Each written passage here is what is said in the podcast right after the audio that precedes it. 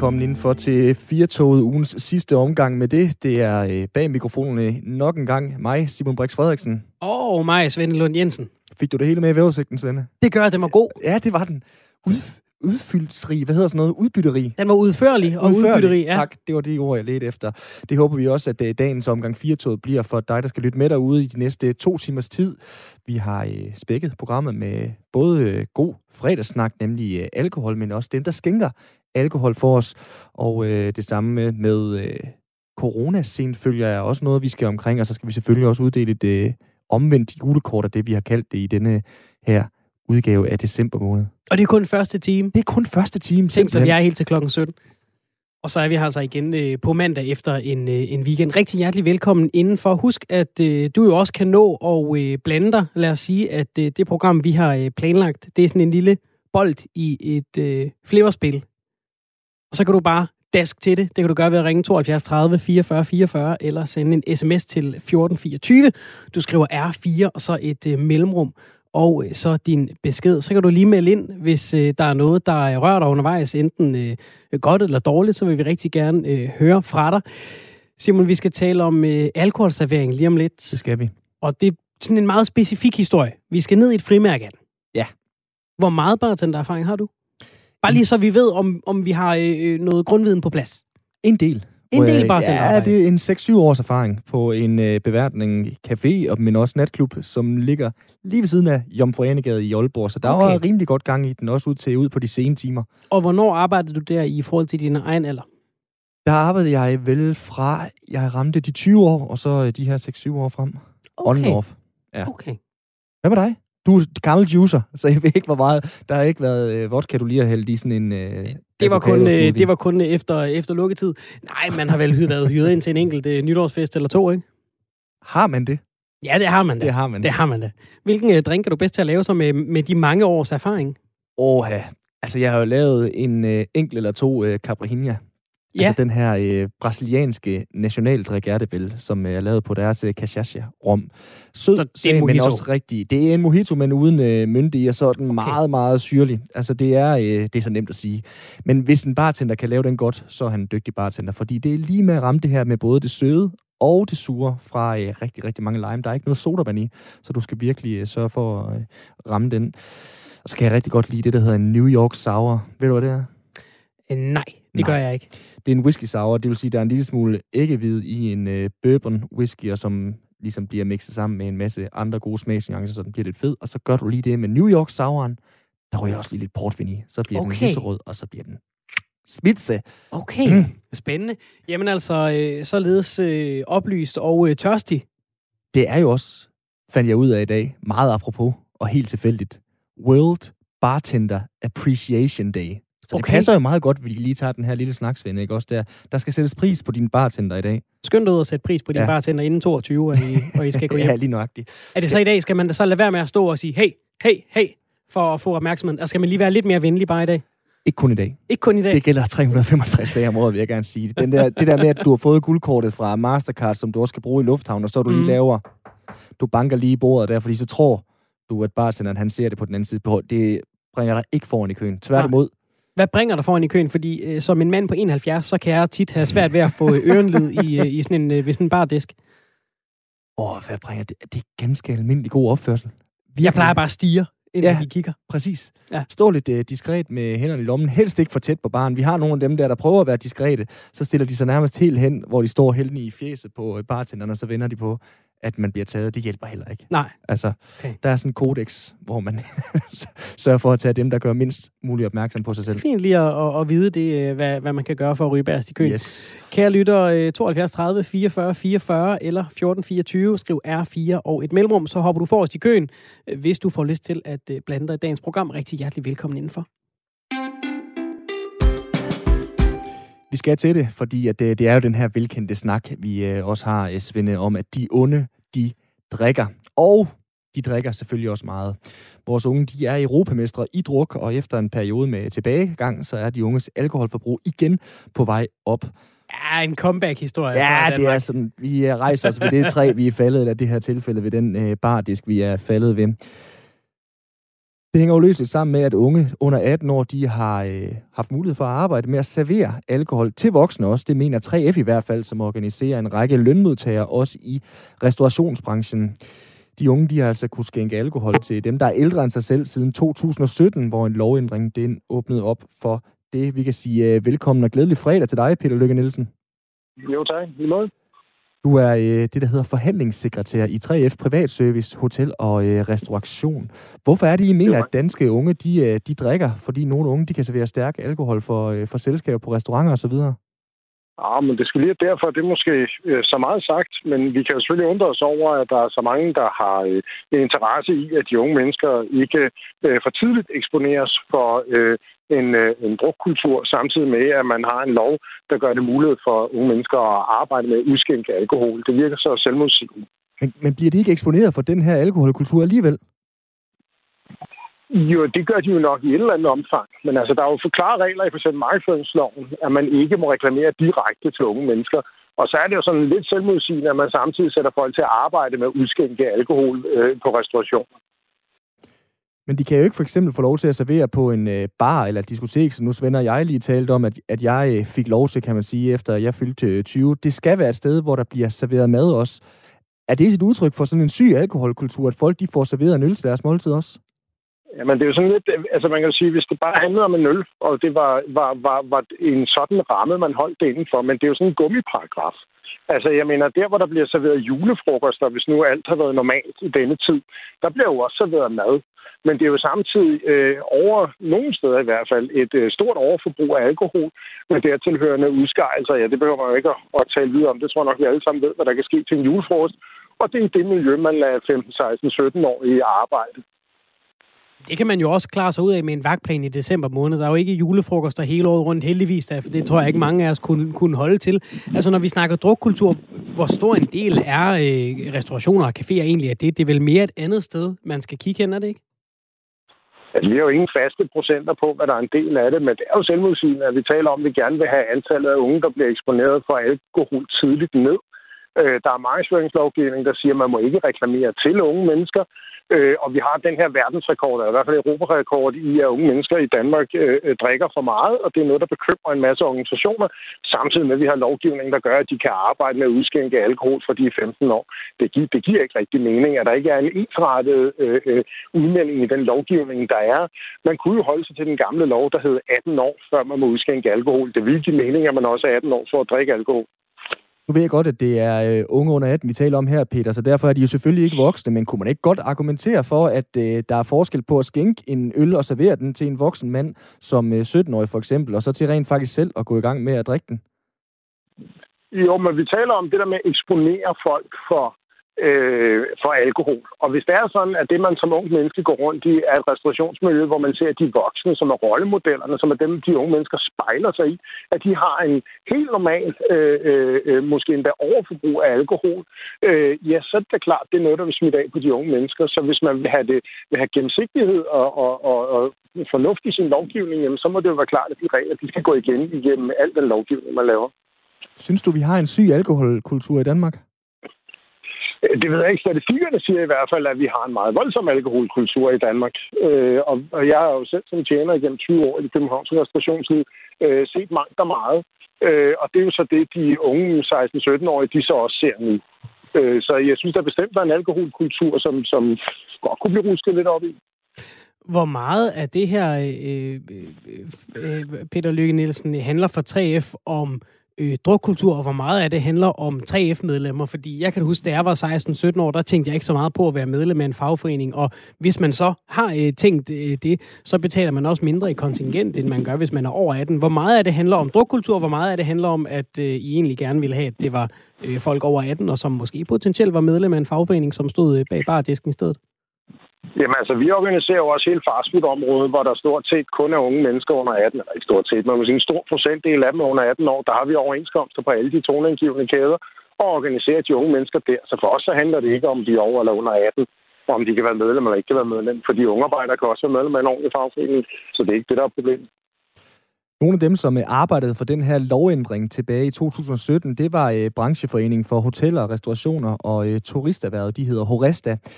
Vi talte med Annette Hyllebrand øh, fra Horesta tidligere i dag. Hun er chef for turisme og oplevelsesøkonomi der. Øh, du kan lige prøve at høre, Peter, hvad øh, hun havde at sige til, at I 3F I har kritiseret den her lovgivning. Du kommer til at lytte her.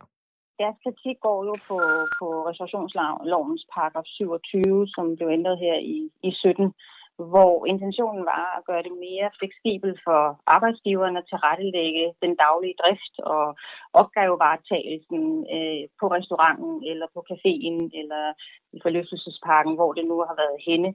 Øh, og det har så øh, gjort, at, at, at unge mellem 15 og 18 kan, kan, kan, kan færdes i steder, hvor der bliver serveret alkohol, og også servere mad, med en øl til, eller hvad det nu måtte være. Det, der er vigtigt at holde fast på, det er, at, at det segment, som loven er tiltænkt at hjælpe, jo netop er familierestauranter, jo netop er øh, forlystelsesparker og caféer rundt omkring i landet, hvor de unge øh, har et fritidsjob.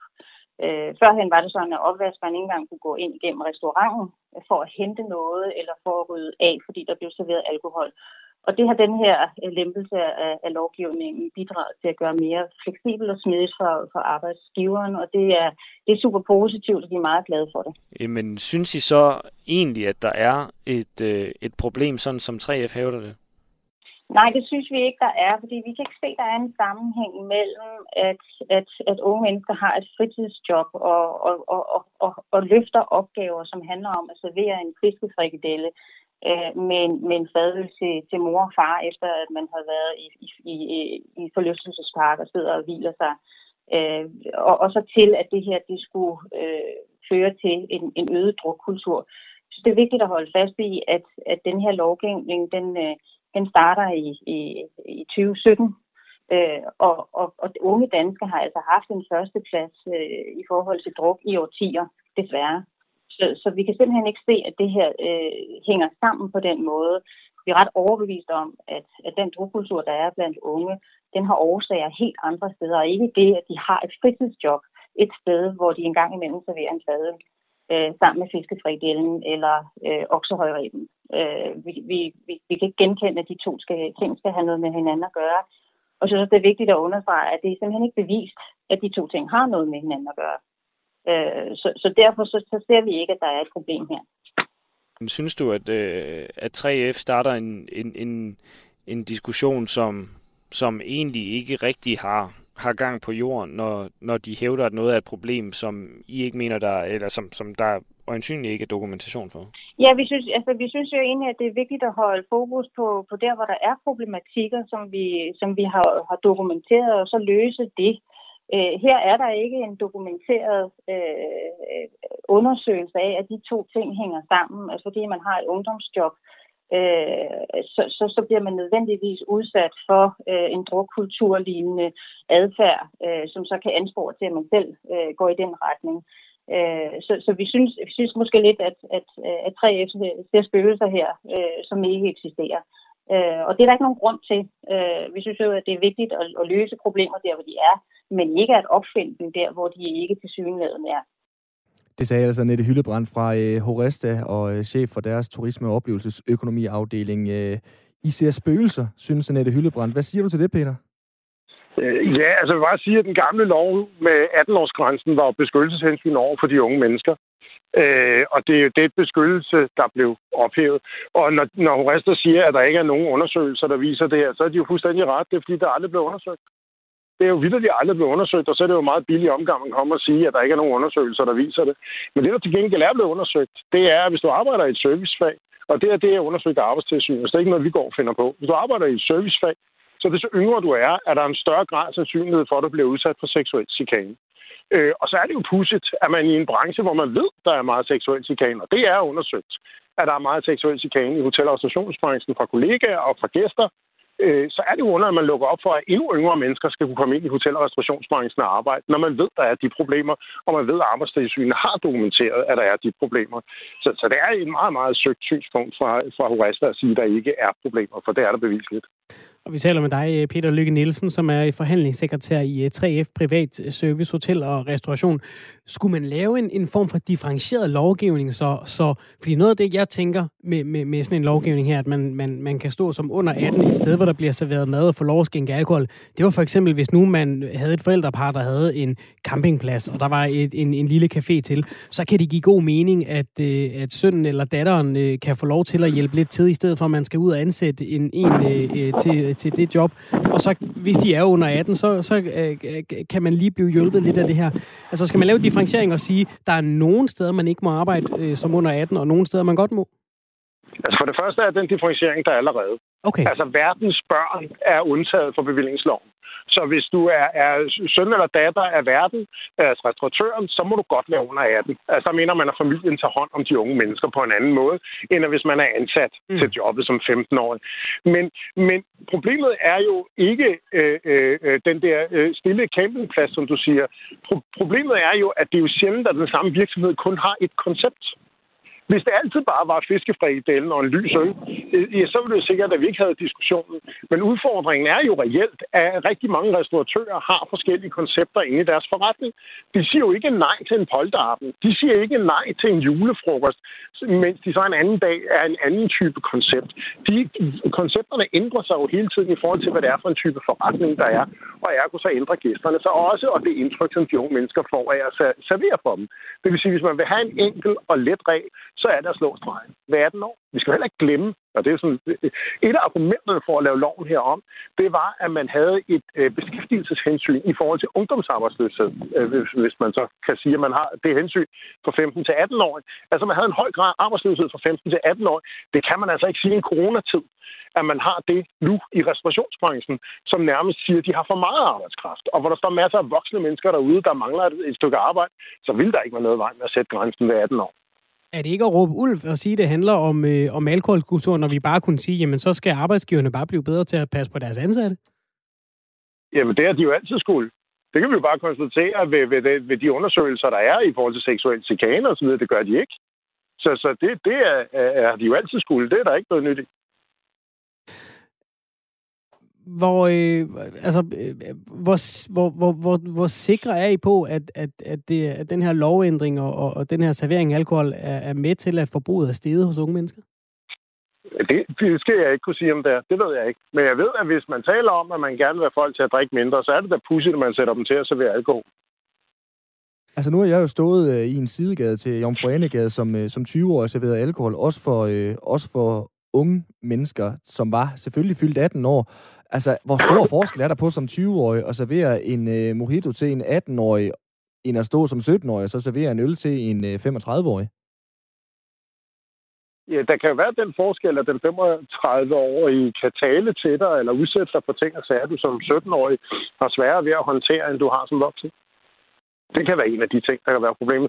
Problemet kan også være, at du som 17-årig lærer at forstå, at den måde, som den 35-årige opfører sig på, det er den rigtige måde at opføre sig på. Men det behøver det ikke umiddelbart at være, fordi unge mennesker er lidt påvirkelige, og så skal man overveje, hvilke arbejdsmiljø man lader dem arbejde i. Vi har fået et par øh, sms'er, øh, Peter Lykke Nielsen, øh, og der er en af dem, den er lidt kras, men jeg tænker som 3F'er, så har du hørt lidt af hver. Der er en, der skriver her, 3F må være blanke, ellers keder de sig bare. Den anden, der, der, der er måske et afsæt til en diskussion. Jeg synes, 3F rygsvømmer lidt fra alkoholkultur nu til sexchikane, når de bare er bange for løndumping. Hvad siger du til sådan et uh, synspunkt? Ja, altså hvis det så bare var så vel. Nu er det jo sådan, at forskelsbehandlingsloven i Danmark, den sikrer dig mod forskelsbehandling på grund af løn. Øh, så hvis du har en virksomhed uden en overenskomst, og du har to personer, der laver det samme stykke arbejde, og den eneste forskel på de to personer, det er alder, så må du ikke lave forskel, forskel i løn.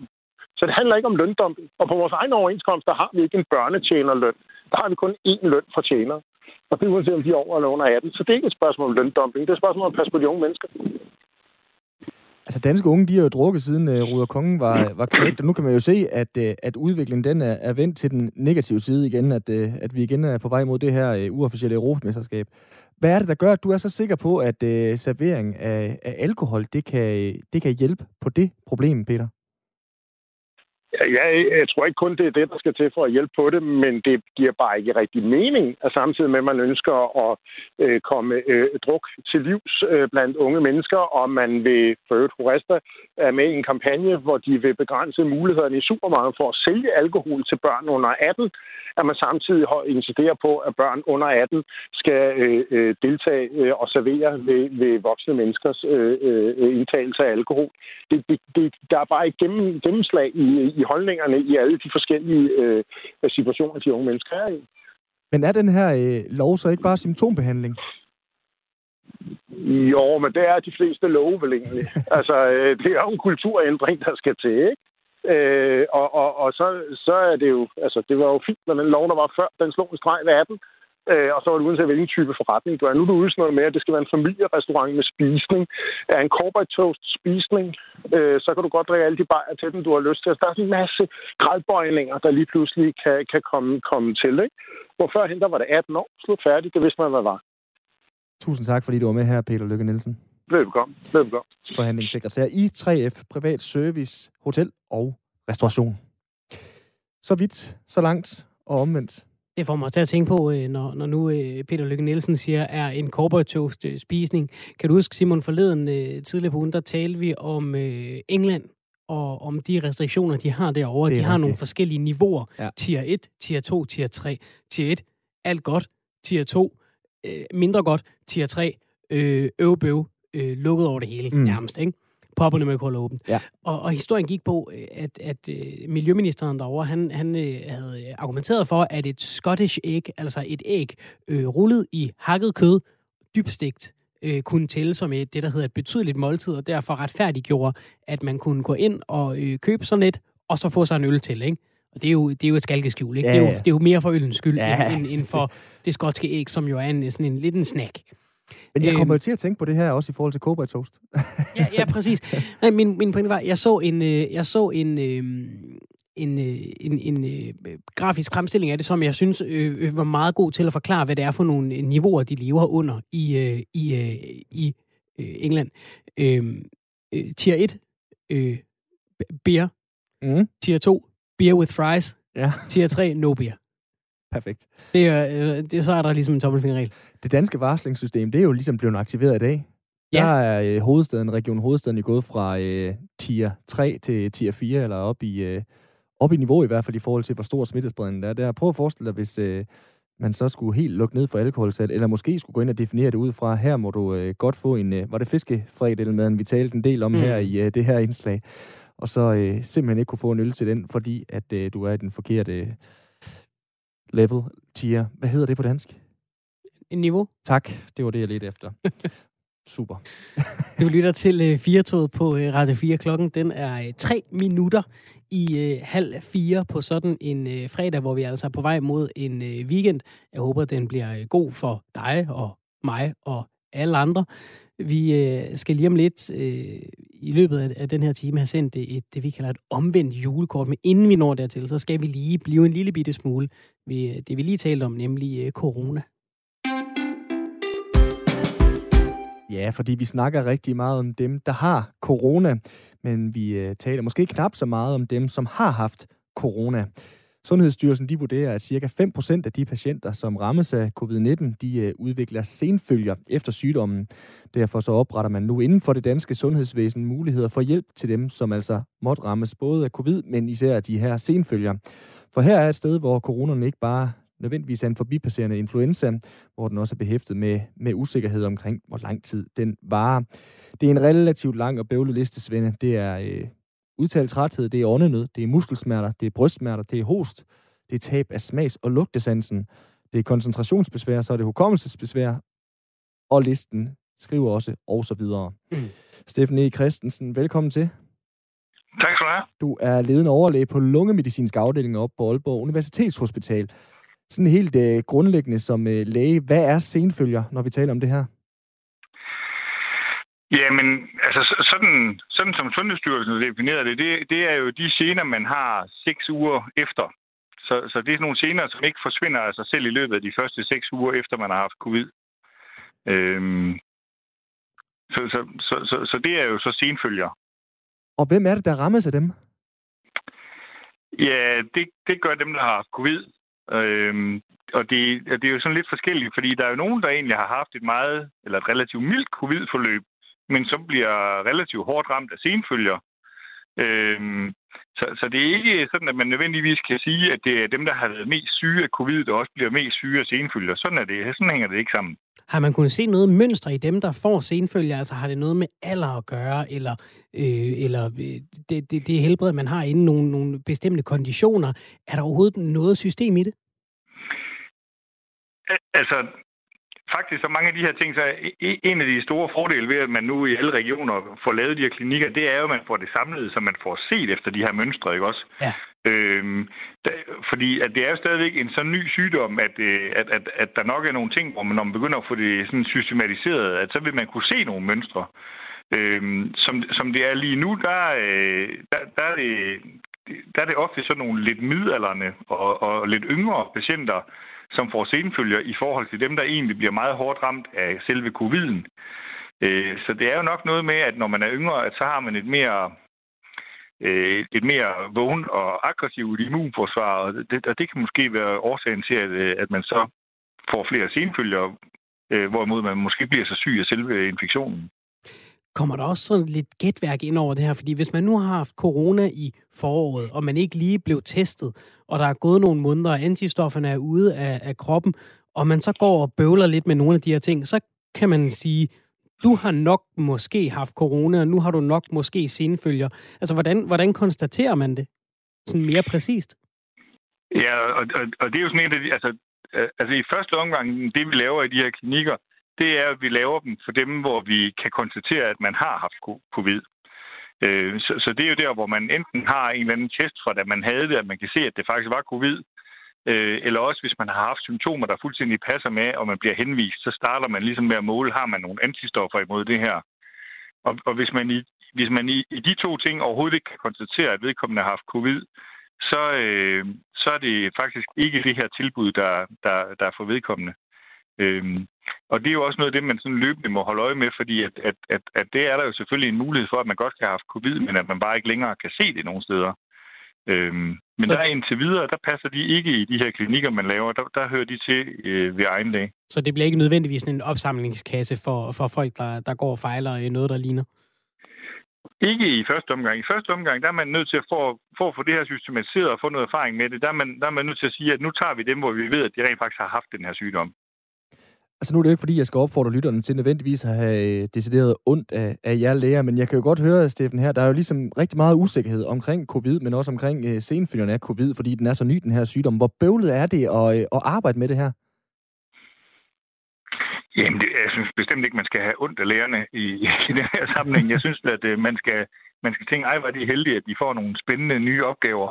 Ikke? Fordi nogle gange, så når det ikke er særlig spændende for patienterne, så er det jo meget spændende for os. Ja. Sådan er verden jo desværre så mærkelig også. Men, men, men, men, men, men, men det her med, at, at, at der kommer... Altså det her med, at man kan have senfølger efter at have haft en infektion, det er der jo ikke noget nyt i. Det, det har vi set ved mange andre infektioner, at man i sjældne tilfælde kan have, have, have senfølger og komplikationer efter det. Det helt nye, det er jo, at her der får man rigtig mange, der får infektion relativt samtidig. Så de kommer samtidig, de her mange borgere med senfølger. Og så har covid nok en, en anden tendens til, at den alligevel laver flere sådan nogle senfølger, hvor vi tænker, det er alligevel mærkeligt, at, at du ved, at man primært er syg i lungerne, og så får man en senfølger i ens hukommelse. Det, det, det er lidt usædvanligt. Øhm, jeg håber jo også, at den erfaring og, den, og, og det, man bliver klogere på, hvordan man håndterer de her forskellige symptomer, at det kan jo så smitte af på de patientgrupper, som i virkeligheden har haft infektion med andre infektioner, men som også vores senfølger.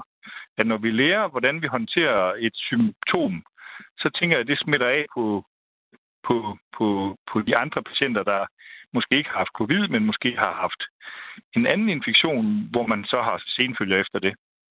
Og nu øh, sidder du jo så på Aalborg Universitet Hospital, og oppe ved jer i Region Nordland, der opretter I altså den her deciderede klinik for dem, som så døjer med, med senfølger. Hvorfor er det, der er behov for et så øh, specifikt sted at håndtere covid-19-senfølger? Jamen det er jo det her med, at, at, at man er nødt til at sige, at, at et af formålene med at lave det her, det er jo også at få sat det her i system og, og, og finde ud af, hvor mange er det, hvem er det, og hvad er det egentlig for nogle symptomer. Øh, så, så, så når man har sådan et nyt område, hvor vi har meget lidt erfaring med, fordi det, er, det, det er ikke stået på længe nok til, at vi ligesom... Der er jo ingen, der ved, hvordan det her det går om to år, fordi det kan man jo god grund ikke vide. Så, så er det rigtig vigtigt, at man ligesom får det, får det samlet sammen, sådan så vi får lavet, at der er ligesom én indgang, og at man så kan samle tingene sammen. Fordi at, øh, at, at, så håber vi jo rigtig meget på, at vi at vi sådan løbende vil udvikle, hvad er det egentlig for nogle forskellige tilbud, vi har til de her borgere. Øhm, altså Sundhedsstyrelsen skriver det jo meget fornuftigt i, i, i den redegørelse, de kom med øh, for en måneds tid siden med, hvordan man skal håndtere det her. Der skrev de jo, at, at, at, at de anbefalinger, vi har til, hvilke tilbud man kan give borgerne, de vil nok være under løbende evaluering efterhånden, som at man får det her samlet og systematiseret. Der finder man ud af, hvad virker og hvad virker ikke, og så vil man jo løbende rette, øh, rette tilbudene til efter, hvad vi finder ud af, der virker. Når, jeg, øh, når vi nu øh, beskriver de her øh, senfølger, hvad symptomerne kan være, kan du ikke lige prøve at, at, at, at lidt mere specifikt på at beskrive et af de værre tilfælde, du har, du har set af det her senfølger, så vi kan få sådan anskueliggjort, hvad, hvad, hvad betyder det egentlig for den enkelte? Jamen, vi har faktisk ikke rigtig, vi har ikke rigtig haft mulighed for at, at tage de her ind sådan systematisk.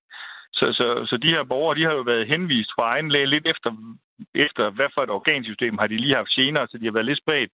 Men, men, men, men, men noget af det, altså noget, noget, noget af det, jeg kender til, det, er jo, det er jo sådan en, en middelalderne herre, som egentlig var rimelig sund og rask før, og som så havde covid, hvor han egentlig mere eller mindre bare havde som sådan en, en, en halvtræls influenza, men ikke mere syg end det men hvor det så efterfølgende blev sådan ret voldsomt udtalte problemer med manglende lugtesans og manglende øh, sådan, evne til at koncentrere sig. Og, øhm, og det er jo sådan noget, hvor man siger, det er jo, det er jo sådan lidt ejendommeligt, hvordan en, en virusinfektion, der primært sådan generer luftvejene, hvordan, hvordan giver det de her mærkelige symptomer?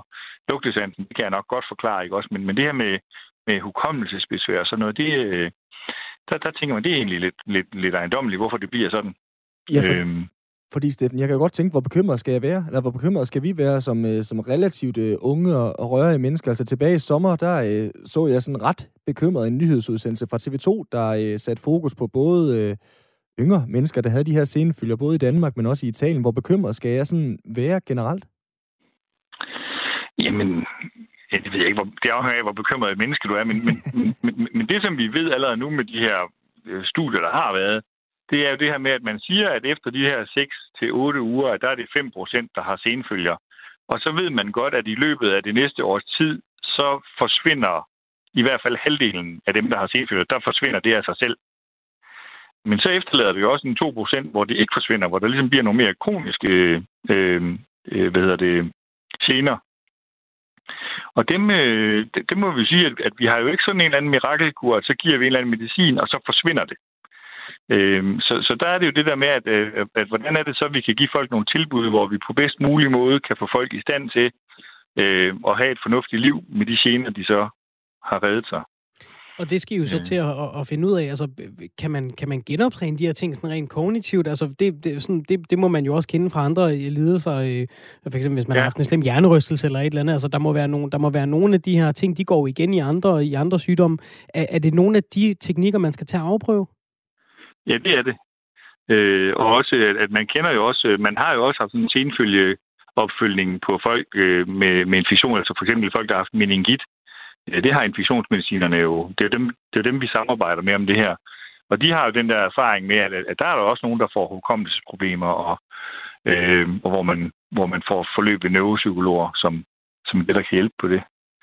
Øh, men, men, men udover at der er det her med, at, at vi skal samle det i klinikker og få kendskab og erfaring med det, så, så er der jo også et enormt behov for, at, at, at, at der er nogle borgere, som er sådan, sådan fanget i nogle sådan problemer, enten med arbejdsgiver, eller i forhold til arbejdsmarkedet, eller i forhold til forsikring og sådan nogle ting, med at, øh, at, at, at der er nogen, der er nødt til ligesom at være med til at, ligesom at verificere, at det her, det er altså det, som man normalt kan beskrive som værende de her senfølgere, Øh, og også på et eller andet tidspunkt skal man beskrive sig, hvornår bliver det her kronisk, og så man kan finde ud af, hvilken, hvilke kroniske men det kan give og sådan nogle ting. Så der er også sådan et, et ret stort sådan socialmedicinsk aspekt i det her med, at de her borgere skal jo have et sted at gå hen og få hjælp til at få vide, at det, at, at det her det er helt det, man kan forvente efter covid, øh, og, så de kan komme videre i deres, øh, hvis de nu skal omskole til andet job. Eller, der, der, det kan jo have mange konsekvenser, hvis man pludselig får en eller anden skavank.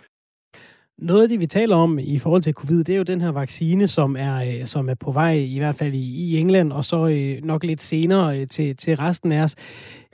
Vi snakker meget om øh, corona. Der er, er mange, der mener, at det ikke er en influenza, øh, og derfor er vaccinen heller ikke relevant. Så noget som de her senfølger, er det et godt argument for, at det altså er værre end influenza, og at en vaccine er relevant? Ja, det, det er i hvert fald et af de gode argumenter. Øh, der er også det argument, der hedder, at der er en helt anden dødelighed. Det, det synes jeg, det er nok sådan det primære argument. Mm.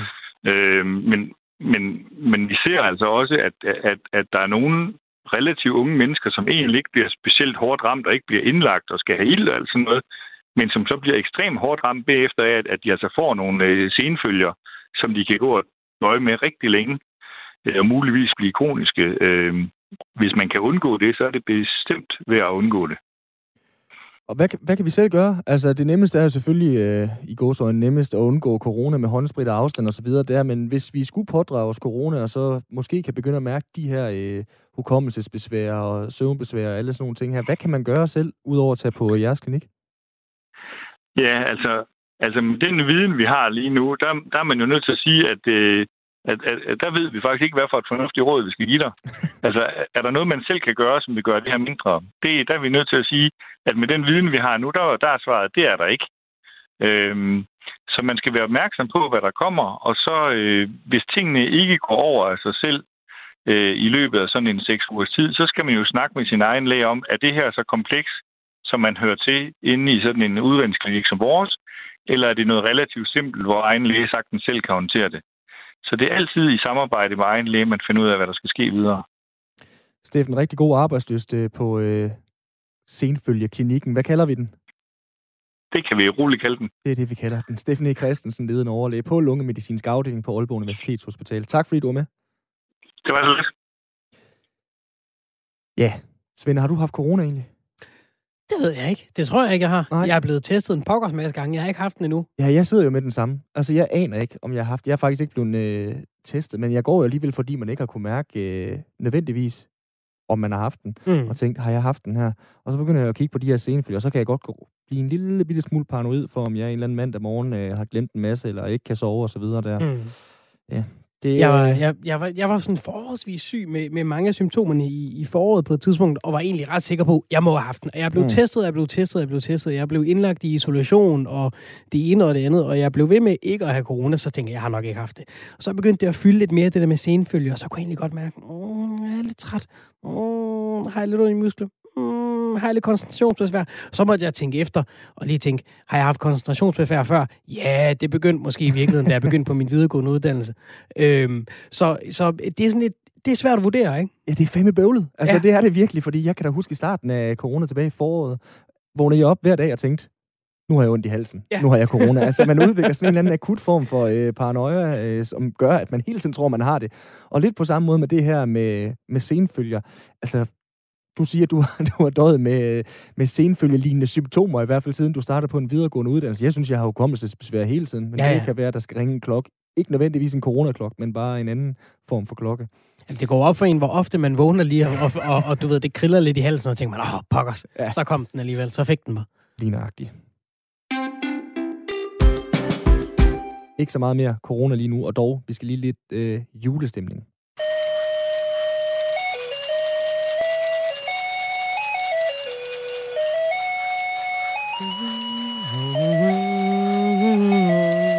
Alle de gode klassikere spillet på uh, Bip Bob julekort, ligesom vi kender dem og elsker dem. Ah, der kommer den næste også. Jeg kunne faktisk ikke, de første to, dem kan jeg stadig høre, hvad det er for en. Jeg kan heller ikke lige give dig navnet Nej. her i starten af december. Det bliver bedre efterhånden, som ja. vi kommer tættere på jul, så øh, bliver jeg mere spids i dem. Det vi har gang i her, det er selvfølgelig et øh, julekort, vi sender afsted hver eneste dag til en øh, person, vi har talt med i øh, løbet af året, gerne mere end en gang, øh, for lige at høre, hvordan går det egentlig med dig? Fordi det er jo det, man gør med et julekort. Så, øh, så skriver man, nå, men jeg har fået en ny hund, og det går super duper, og det går godt på arbejdet, og båden den er klar til at komme ud til sommer. Vi sender øh, simpelthen en, øh, et blankt øh, julekort øh, og en frankeret øh, svarkuvert ud til øh, nogle af dem, vi har talt med i løbet af året, for lige at høre, hvordan går det med dig, og ikke bare, øh, når vi ringer og siger, hej, vi vil gerne spørge om et eller andet meget specifikt med det, du sidder og arbejder med, men mere bare, hej, det har været rart at tale med dig i løbet af året. Hvordan går det egentlig, Niels Højby? Jamen, det går fint, du. Jeg sidder på mit kontor og glæder mig til at fortælle lidt om, hvordan det hele går. Dejligt. Du er jo professor i klinisk mikrobiologi på Rigshospitalet, så vi har talt rigeligt med dig i år i, i Firtoget. Øhm, Niels, øh, hvad kan du egentlig godt lide sådan selv at tale om og lave, når du ikke sidder på øh, kontoret og kigger på øh, mikrobiologi? Jamen altså, mine øh, interesser er faktisk meget brede. Jeg øh, har meget kunstinteresse sammen med min kone, som øh, er uddannet kunsthistoriker. Og øh, vi elsker jazzmusik, må jeg også sige.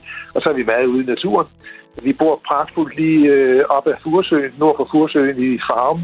Og det er bare lige ude døren der, så er vi ude på en sti, hvor vi går langs med Furesøen og nyder udsigten som hen over søerne. Det er altså mod syd. Det skifter hele tiden fra fantastisk morgenstemning, hvis det er altså godt vejr, ikke? hvor det kommer Ja, nu er det jo omkring ved 8 tiden, at solen begynder at stå op, og der er sådan lidt øh, rødligt, ikke? Og så i løbet af dagen, når det begynder at gå ned, ikke? Så bliver sådan en øh, fantastisk pastelfarve hen over søen, og med skygger fra skyerne. Så det er, og så har vi vores hund med selvfølgelig, og det er altså helt vidunderligt. Nu er det jo ikke ligefrem jazzmusik, der kører i baggrunden af det her indslag. Nils, Niels, hvad bruger du jazzmusik til? Er det øh, koncerter, som du så ikke har været til, eller er det for eksempel også til at arbejde for at komme i stemning, eller hvad bruger du jazzmusik til? Nej, altså, jeg var, da jeg var ganske ung, ikke? da jeg spillede faktisk trompet, øh, men øh, så fik jeg så måtte jeg holde op, fordi jeg fik ikke tid til det, man skal holde det ved lige. Ikke? Men der var jo så mange andre på det tidspunkt der, der var det jo for eksempel Louis Armstrong, Count Basie, Duke Ellington og så videre, der var de store helte.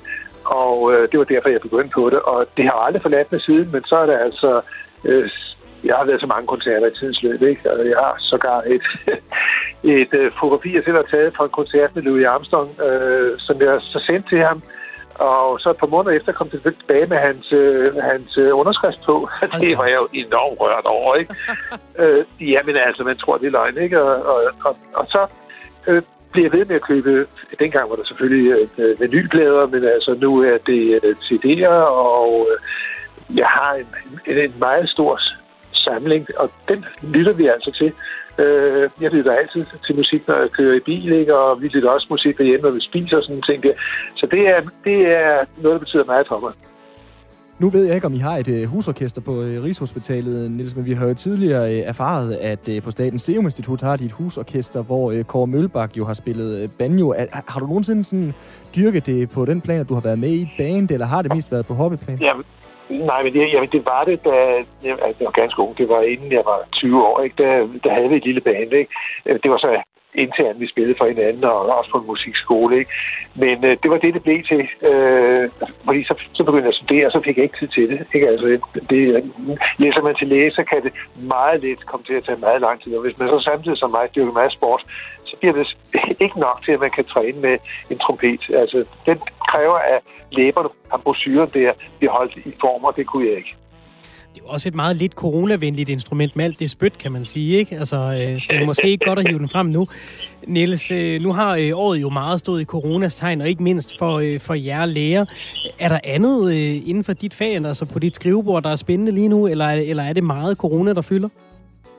Jamen, der er flere ting. Jeg har en, øh, det hedder en postdoc, altså en forsker fra Brasilien, der har arbejdet et år. Jeg havde vejledt ham i hans phd studie og det er omkring øh, brug af antistoffer, øh, især i øh, svældet og i næsen til at påvise øh, infektioner i bihulerne. Og det er altså hos øh, patienter, der har kroniske infektioner i lungerne, der kommer meget af de infektioner, de kommer fra bihulerne, hvis de har en, en kronisk bihulebetændelse. Det er det, vi går og arbejder med. Og så er der derudover selvfølgelig en forfærdelig masse covid. Altså jeg er meget involveret i øh, øh mink-skandalen der, øh, og så arbejder med en række øh, veterinærkolleger øh, fra noget, vi kalder One Health, øh, altså hvor både øh, veterinærer og læger øh, sammen, øh, med henblik på, hvad vi kan gøre for at redde i hvert fald avlsminkene øh, og, og til forskningsforbrug i første omgang, og så, så minkavlerne kan få dem tilbage igen, når det bliver tilladt. Det, så det, øh,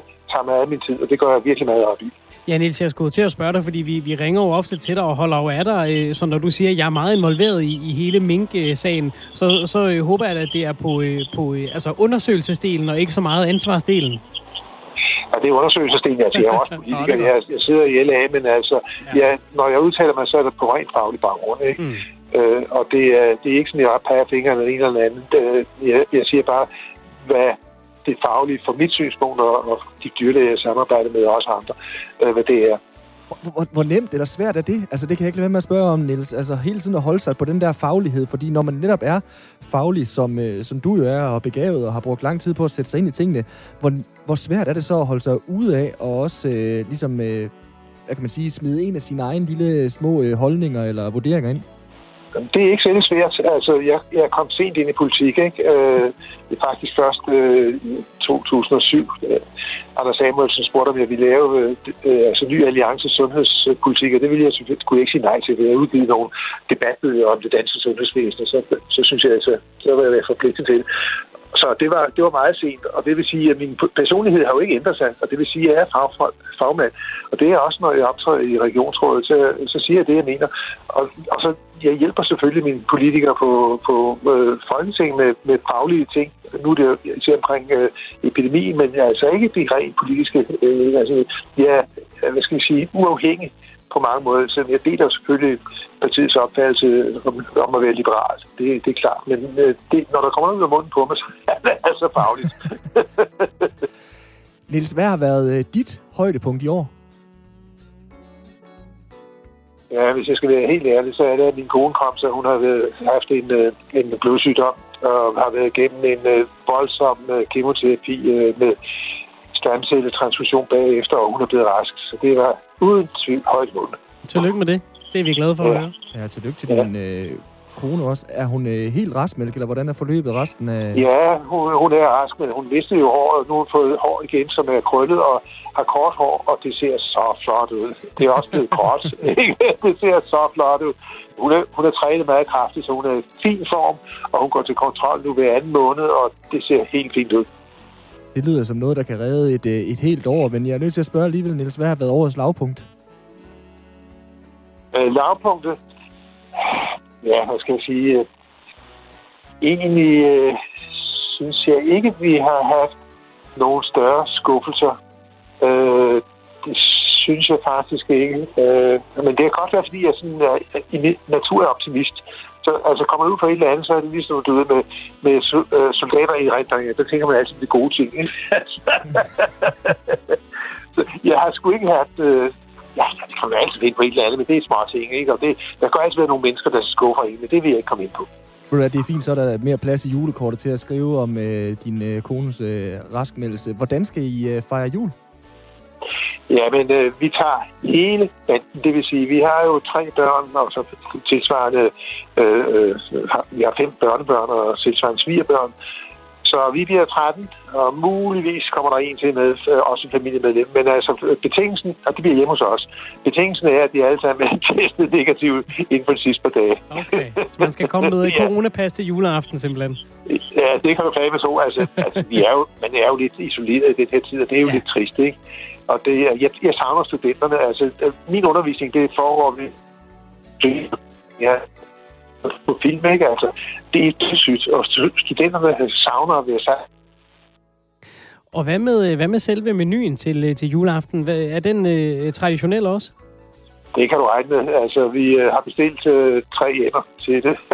og sovsen også, ikke? Og så, jamen, det er, og så, så risalemang med nogen. Ja, nu er øh, de, de, de den ene af børnene, han er, han er helt voksen nu, ikke?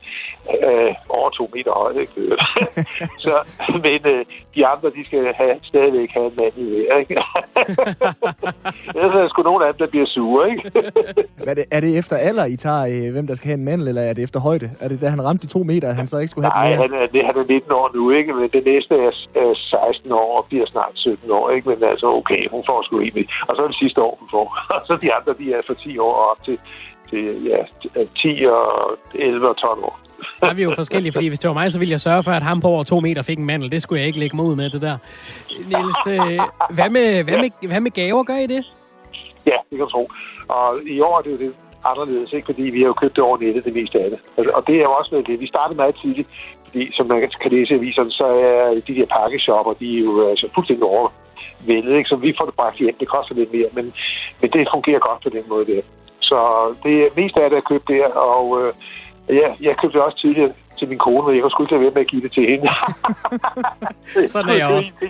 Man når blive så glad for det, man har fundet, ikke? Ja, det er det, det ikke. Elias Højby, uh, tusind tak for at være med her, og for at have været med i, i løbet af året. Jeg tør uh, roligt love, at vi uh, ringer tilbage til dig i 2021. Du er professor i klinisk mikrobiologi på Rigshospitalet. Tak for det, Niels. Ja, velbekomme og god juletal. Tak, Ja, ja, lige tak. måde. Hej. Det, hej, og det var altså dagens udgave af det omvendte julekort. I dag gik det til en uh, Niels Højby, som vi naturligvis har talt meget med, professor i klinisk mikrobiologi. Ikke? Altså, uh, det giver sig selv, hvorfor vi har talt meget med Niels i løbet af året. Jeg ved, hvordan det har været at være brasiliansk. Var det brasiliansk postdoc i, ja. Ja. i Danmark i, øh, i 2020? Ja, det har nok været en speciel oplevelse Ja, også. det kunne man forestille sig. Også når man sidder og arbejder på en lungesygdom, der lige pludselig blev en del mindre øh, spændende i alle andres øjne, ikke? Ja, og hvordan man lige griber hele, hele forløbet an øh, med, med, hvad hedder det, øh, hvordan man nu skal undersøge øh, sin, øh, hvad hedder sådan noget, sin postdoc. Man undersøger vel ikke postdocken? Ej, man har vel måske nogle, nogle cases, man undersøger til sin Jamen, det er jo postdoc. lige præcis, fordi hvordan, hvordan griber man det an, når der lige pludselig er corona i samfundet, og øh, Ja, det er nok noget bøvl. Det er noget bøvleværk. Det kan være, det er blevet en meget teoretisk opgave. det tænker jeg, det kunne blive. Vi har i gang i et øh, program, der overhovedet ikke er øh, særligt teoretisk, men øh, i den grad er øh, meget praktisk, og det øh, er det på den måde, at det fortsætter lidt over en times tid endnu. Lige om et øh, kort øjeblik, der skal vi, ah, ikke et kort øjeblik, et mellemøjeblik, der skal vi have nogle nyheder. Det er om øh, små fire minutters tid. Vi har indtil nu talt om øh, udskænkning øh, af alkohol, Mm. hvis man er under 18 år. Det må man nemlig gerne. Der kom en lovændring i øh, 2017, hvor øh, man gerne må øh, servere alkohol på øh, steder, der også er spisesteder, hvis man er under 18. Lige Og øh, det synes de i 3F er et øh, dårligt øh, signal at sende. Det er en dårlig påvirkning af vores alkoholkultur. Det er jo noget, vi i Danmark, mm, hvad kan man sige, prøver at undgå at tale for meget om, fordi vi har jo øh, ofte en, øh, en øh, topplacering på de der lister om, hvor meget drikker de unge. Ja, det er ikke omtalt vildt meget, at vi altid er nummer et på den liste. Jo jo, vi snakker meget om, at vi er nummer et, men vi snakker meget lidt om, hvad vi har tænkt os at gøre ved det. Det er rigtigt. Altså, det, jamen, det er rigtigt. Den får du. Og øh, det synes 3F, at, øh, at det, det var ikke godt. Det, det kunne være, der var en Mm. sammenhæng. Det ved de ikke, om der er, men de synes i hvert fald, det er et dårligt signal at sende. Hvorfor ikke bare lave en grænse, der hedder 18 år, og så sige færdig med det? Så hørte vi fra Horeste, at øh, det var de egentlig, de var egentlig okay Mm. med, med, de, med den her lovændring, øh, øh, og de synes ikke, der var bevist nogen, øh, nogen sammenhæng. Så øh, der kan man jo selv ligesom efter at have lyttet til det ene og det andet selv finde ud af, hvor man, hvor man lander i, i den debat. Øh, hvis man ikke fik lyttet med, så kan man jo gøre det for skudt på podcast eller på Radio 4's hjemmeside. Det kan man nemlig. I den næste time, der skal vi blandt andet forbi sport og håndbold. EM, der jo starter i dag. Svende, ser du stadigvæk øh, damehåndbold? Det gør jeg faktisk ikke. Jeg gik rigtig meget op i damehåndbold dengang med de jernhårde ladies, Mm. mm. og der var den, der var, de havde den der gode sang, og de havde Anja Andersen og Camilla Martin, og altså wow, det var, altså jeg levede og åndede for de der slutrunder. Øhm, og, øh, og så har vi været rigtig dårlige lige. Ej, det har vi ikke. Vi har selvfølgelig været gode lige siden. Men, men, men det har ikke fanget mig på samme måde. Ej, der har jo været det der ekko af de jernhårde ladies, som Ja. ligesom har, øh, har hængt i øh, Ej, jeg var rigtig forelsket i Christine Rosling nogle år. Det- Hun var lige sådan en generation år. efter, ikke? Altså ikke som spiller, Nej. men øh, hun er med som holdleder i år for den nye landstræner Jesper Jensen. Hun er simpelthen... Okay. Øh, Jamen, det hedder selvfølgelig team manager. Gud, Så nu er jeg på vognen igen. Ja, det er klasse. Jamen, det, er, jeg kan, det var øh, Rikke Hørlykke, kan jeg huske, øh, i 2002, som øh, vækkede min begejstring. Der var hun sådan et super sub kom ind, øh, Ja. da Danmark de, øh, vandt. Øh, det må være EM, de vandt, når det var et lige år, Det har, ja, det Her har i været den ene af dem. faktisk. Der er jo, der er jo hele tiden... Ja, ja, det er rigtigt. sige. Altså, det er sådan en fast december-tradition, Ja. som nu starter nu her den 4. december. Danmark, de møder Slovenien i aften, og så øh, kører den, ellers må vi se, hvor lang tid, at øh, vi kan have, have glæde af den. Ja, hvor længe der går, før de lukker det hele. Ja. Fordi altså, hvad er det? Alle holdene har været ramt af corona i optakten. I i en eller anden grad, ja. Og øh, de er jo alle sammen skulle testes, inden de kom ind i den her efterhånden famøse corona-boble i Danmark. Altså, de skal jo nærmest holde sig på samme etage på et hotel, Mm. hvert hold. Så øh, tredje sal, den er forbeholdt danskerne. Ej, de får nok den øverste med udsigt, og så derefter Norge, og så videre, og så videre, og så videre. De fleste er blevet testet, inden de kom ind øh, i landet, og nogen har afgivet positiv test. Mm. Det er altså noget af det, vi kommer forbi i den øh, næste time af Firtoget. Det er ugens aller sidste time af Firtoget, som vi blænder op for. Jeg kan lige nå hurtigt ret, fordi vores producer Toga har været hurtig. Altså, vi vandt jo vi vandt tre gange OL i træk. Altså 96, 2000 øh, og 2004. Så der gik lige lidt, før vi blev, blev, sådan, blev dårlige nok til der blev lavet en film om, hvor dårlige vi var. øhm, men, men jo, vi var rigtig gode i nogle år. Der var det jo, der var det jo klassisk øh, dansk sjovt at følge med.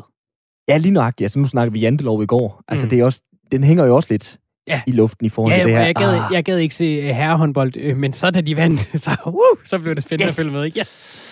Nå, øh, ingen øh, damehåndboldsnyheder forestiller jeg mig i øh, nyhederne på øh, Radio 4, som du får fem minutter af. Lige her efter det, så er Svend Lund Jensen og Simon Brix Frederiksen tilbage med ugens sidste tur med Firtoget. Vi øh, høres ved.